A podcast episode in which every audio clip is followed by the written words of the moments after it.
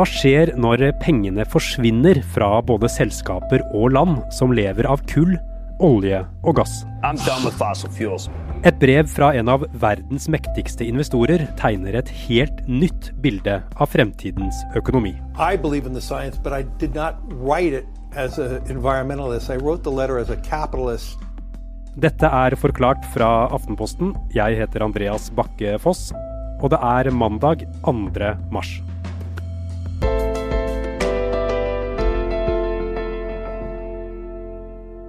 Omtrent samtidig som eh, Knut Amundsen fra Askøy satte seg ned og skapte et opprop mot klimahysteri på Facebook, så eh, var det en amerikaner ved navn Larry Fink som satte seg ned og skrev et brev. Eh, og det er noe som Fink gjør hvert eneste år, men det var litt annerledes denne gangen. Well, it was the hardest letter I've ever written. I became more emotional as I wrote it. Larry Fink han er toppsjefen i et selskap som heter BlackRock. Det er verdens største investeringsfond. Eh, de er kunder over hele kloden, og de har nå altså 7000 milliarder dollar eh, som de skal eh, da investere videre i aksjer og fond og obligasjoner og mange forskjellige ting.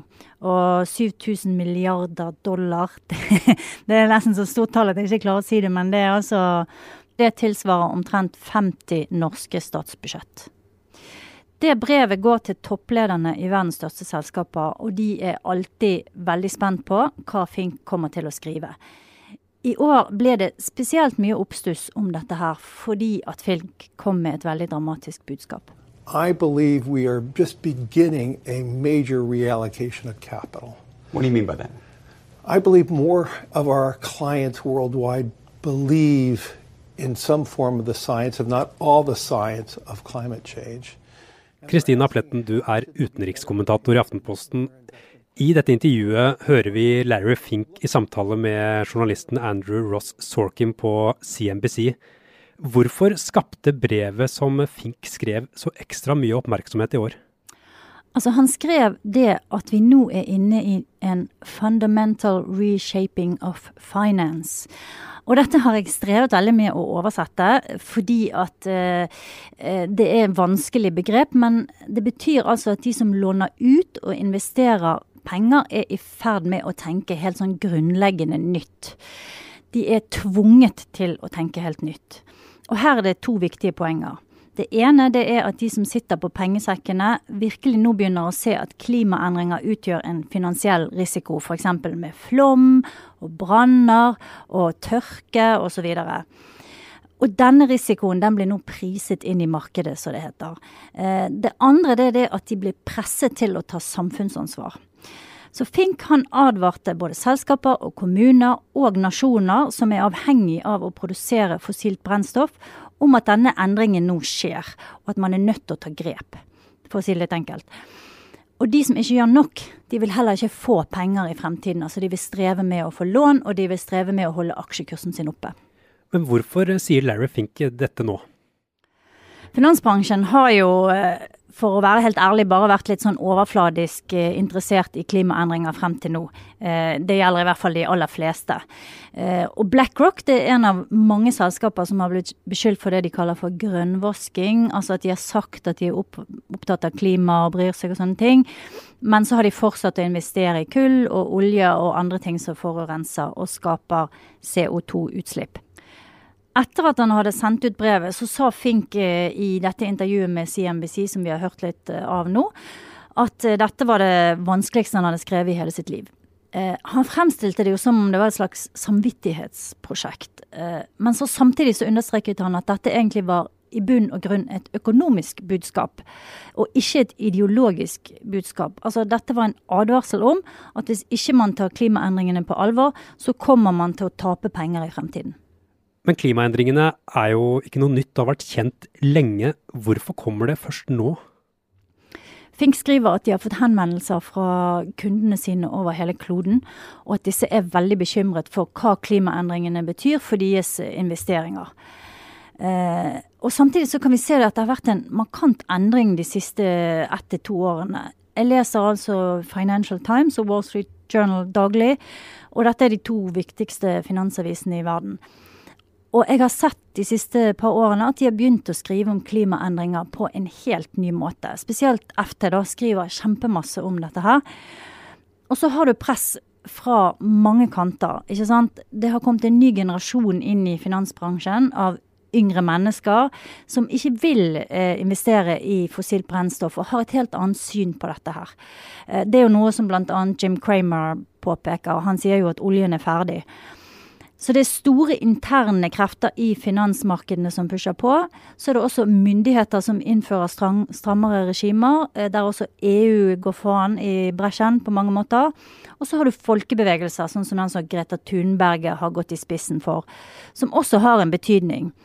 Og så tror jeg det, og det kan høres banalt ut, men jeg tror faktisk det at folk påvirkes av sine egne unger. Når de får påpakning fra sine egne barn, så har det en betydning til slutt.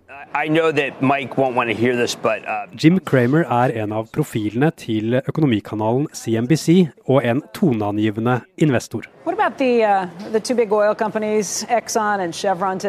På spørsmål fra en kollega sier han rett ut at han er ferdig med fossilt brennstoff. Yeah, Fordi verden er i endring.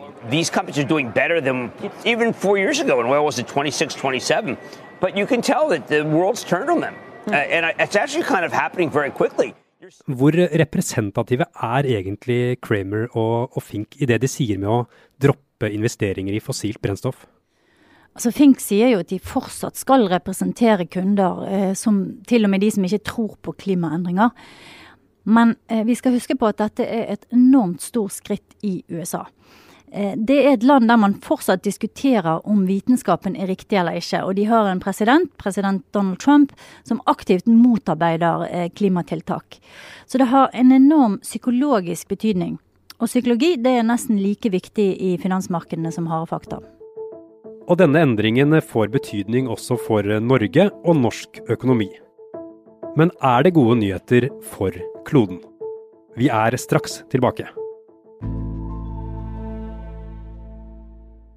Kristina, dette skiftet, hvordan ser vi tegn til at det skjer allerede nå? Mange store investorer, og kanskje spesielt pensjonsfond, de selger seg ut av selskaper som produserer fossilt brennstoff. De har en lang horisont, dvs. Si at de skal eh, tjene penger over eh, mange tiår fremover. Og det betyr at de ser at risikoen for at dette her eh, vil være et tapsprosjekt, er ganske stor. Jim Cramer han kom jo med sitt utbrudd etter at Exxon hadde lagt frem kvartalstallene sine. Og det vi ser er at selv om olje- og energiselskaper tjener penger som gress, og de betaler ut store summer til aksjonærene sine, eh, så reflekteres ikke det lenger i aksjekursen. Altså aksjekursen og inntjeningen har på en måte skilt lag. Hvis vi ser på endringer eh, i verden nå, Kristina, så er jo de i stor grad drevet frem av ny teknologi, men også veldig store mengder med investeringskapital. Hva er det klimakrisen tilsetter en slik utvikling? Så hvis vi går tilbake 20 år først, da, og så eh, på teknologi, teknologirevolusjonen, så så vi at det var kapital som gikk foran og egentlig drev frem utviklingen. På slutten av 90-tallet så var det kjempestore mengder med penger som lette etter gode prosjekter, for å si det sånn. Eh, investorene så potensialet i internett ikke sant? og så at det var et kjempestort eh, potensial der.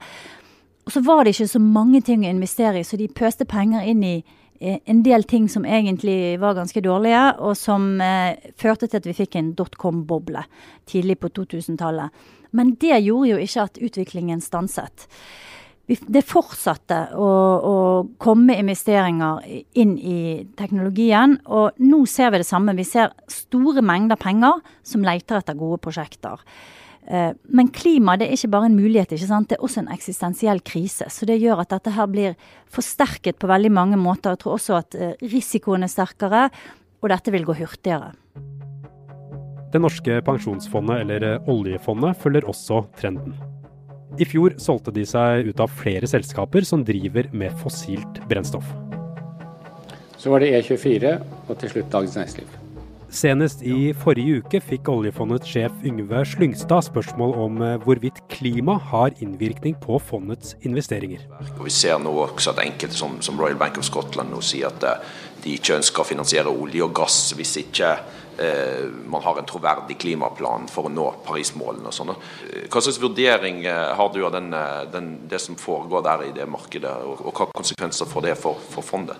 Ja, altså, dette er jo en, en, del av en større problemstilling som vi har engasjert oss i på mange felter.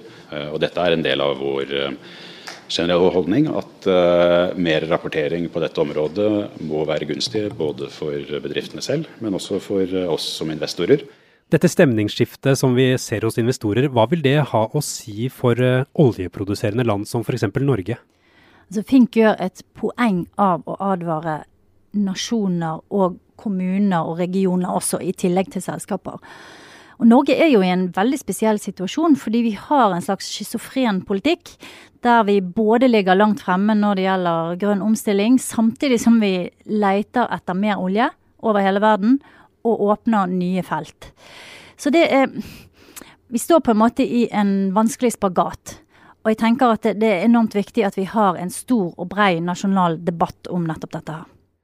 Med denne endringen, Kristina, eh, hva gjør de fossile selskapene for å tilpasse seg den? Noen gjør eh, innmari lite. En strategi det har vært å gjøre sine hoser grønne ved å betale ut mer penger til aksjonærer. Altså lokke med utbytte. Andre, som Equinor f.eks., de satser jo på å bli et bredere selskap som også driver med fornybar energi. Men problemet er jo at det fortsatt er en bitte liten del av den totale aktiviteten til selskapet. da. Ja, hvordan merker eh, f.eks. Equinor dette stemningsskiftet, tror du? Altså, Equinor de ble f.eks. kastet ut av et dansk pensjonsfond eh, her i høst. Uh, og de har også nylig måttet gi opp et prosjekt i Australia der de skulle lete etter olje i et sårbart havområde etter bl.a. press fra aktivister. Noen surfere? Ja. Så de vil helt klart også merke dette presset. Og så er det jo leverandørene deres, da. Altså underleverandørene, oljeservicenæringen, som kanskje merker det enda sterkere. Men alle disse selskapene som nå eh, skal bli mer miljøvennlige, blir de, blir de, faktisk det? Eller er det først og fremst innpakning eller markedsføring eller grønnvasking, som eh, det også kalles? Det er jo litt delte meninger eh, om dette her, og det er en naturlig skepsis til at eh, folk som Larry Fink kommer ut og plutselig er supergrønn. Um, lederen av eh, en miljøorganisasjon som heter Sierra Club, som er veldig stor i USA, han kritiserte Fink etter dette brevet og mente at dette var liksom too little too late.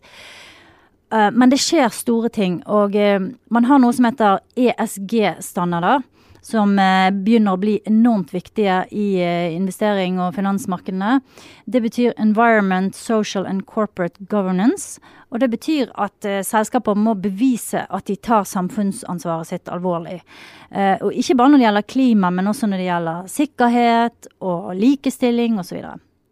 Hvis vi tar alt dette, Kristina, betyr det at det faktisk er investorer og kapitalister som til slutt vil stoppe klimaendringene? Jeg tror i hvert fall at de begynner å trekke i riktig retning nå, endelig. Eh, og markedskreftene er helt utrolig mektige i en så globalisert verden som vi lever i i dag. Så når den ballen begynner å rulle, så kan det bli veldig vanskelig å skulle være den som står imot. Til og med for de som lager folkeopprør på Facebook.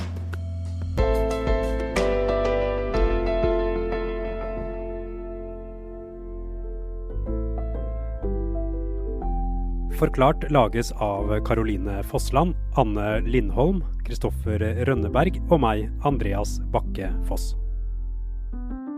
I denne episoden har du hørt lyd fra Norges Bank. Vi følger Vær varsom-plakaten, og ansvarlig redaktør er Trine Eilertsen.